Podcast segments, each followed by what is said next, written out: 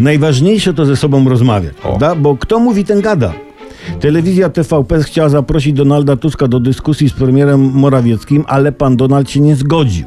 To ci od prezesa mówią, że Tusk bo nie chciał debatować z Morawieckim. Na co ci od Tuska, że on owszem może debatować, ale z samym prezesem Kaczyńskim, bo to Kaczyński rządzi, a nie ze słupem, którym właśnie prezes rządzi. Na to ci od Kaczyńskiego, że, skoro prezes rządzi Morawieckim, to Kaczyński, żeby rozmawiać z równym sobie, to musiałby debatować z osobą, która rządzi Tuskiem, czyli z Angelą Merkel. Ale prezes nie zna niemieckiego, nauczył się tylko na językowych kursach niemieckiego w telewizji Für Deutschland, no a Angela polskiego nie w ząb. No to, to by się tylko na siebie łypali, nie?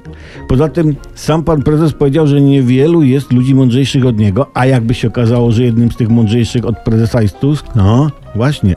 Poza tym pan prezes nie ma czasu rozmawiać, bo on ciągle mówi.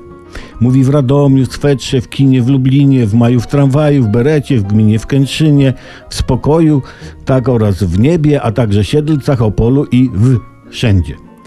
I, I patrzę tak generalnie rzecz patrząc na nich wszystkich, to, to do rozmów ze sobą to ci wszyscy politycy się palą jak mokre papierosy nurka głębinowego, no.